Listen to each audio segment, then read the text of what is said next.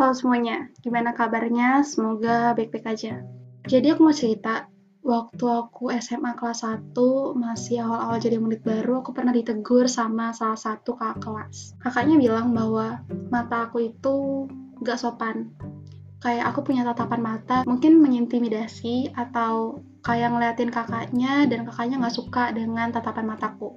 Jujur li ya, aku gak punya maksud kayak gitu. Dan saat itu aku benar-benar kesel banget karena yang ada dalam pikiranku adalah ini emang bawaan lahir mungkin gitu ya. Atau aku emang gini orangnya. Tapi setelah mikir-mikir lagi nih akhir-akhir ini aku mulai mikir bahwa harusnya itu bukan jawabanku saat itu. Harusnya aku tidak menjawab seperti itu. Akhir-akhir ini aku mulai mikir bahwa seharusnya aku jawabnya Oke kak, terima kasih atas sarannya. Akan aku perbaiki atau buruknya gak selamanya buruk sih. Tapi maksudnya aku gak bisa emang seperti inilah aku.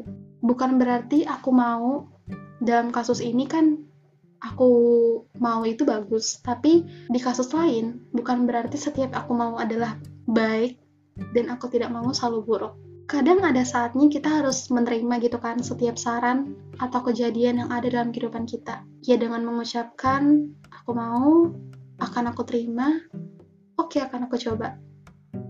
Tapi seperti kasusku tadi, sering kali kita bersembunyi dengan jurus andalan seperti ya itu kan bawaan dari lahir. Ya aku kan emang kayak gitu orangnya atau berjuta kata-kata lainnya ya ini adalah pengalamanku ya. Aku memang bukan manusia yang sudah mengalami manis pahit kehidupan dunia atau asam garam dunia, tapi bagiku saat itu aku salah.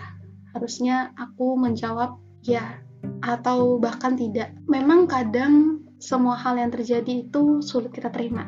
Memang kadang saran malah melukai hati kita.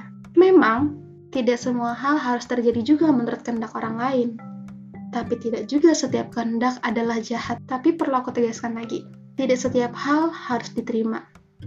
Dan tidak setiap hal pula harus terucap aku mau atau aku bisa. Kadang ada hal yang perlu kita tolak, dan tentunya atas pertimbangan yang diri sendiri miliki. Sebagai yang ditolak, kita tidak boleh menghakimi. Setiap orang adalah tuan atas dirinya masing-masing, dan hanya mereka yang berhak menentukan jalan hidupnya. Jika menurut kita mereka salah, tuntun dengan perlahan tanpa menyakiti. Namun jangan sampai juga kita ikut tersakiti. Terima kasih.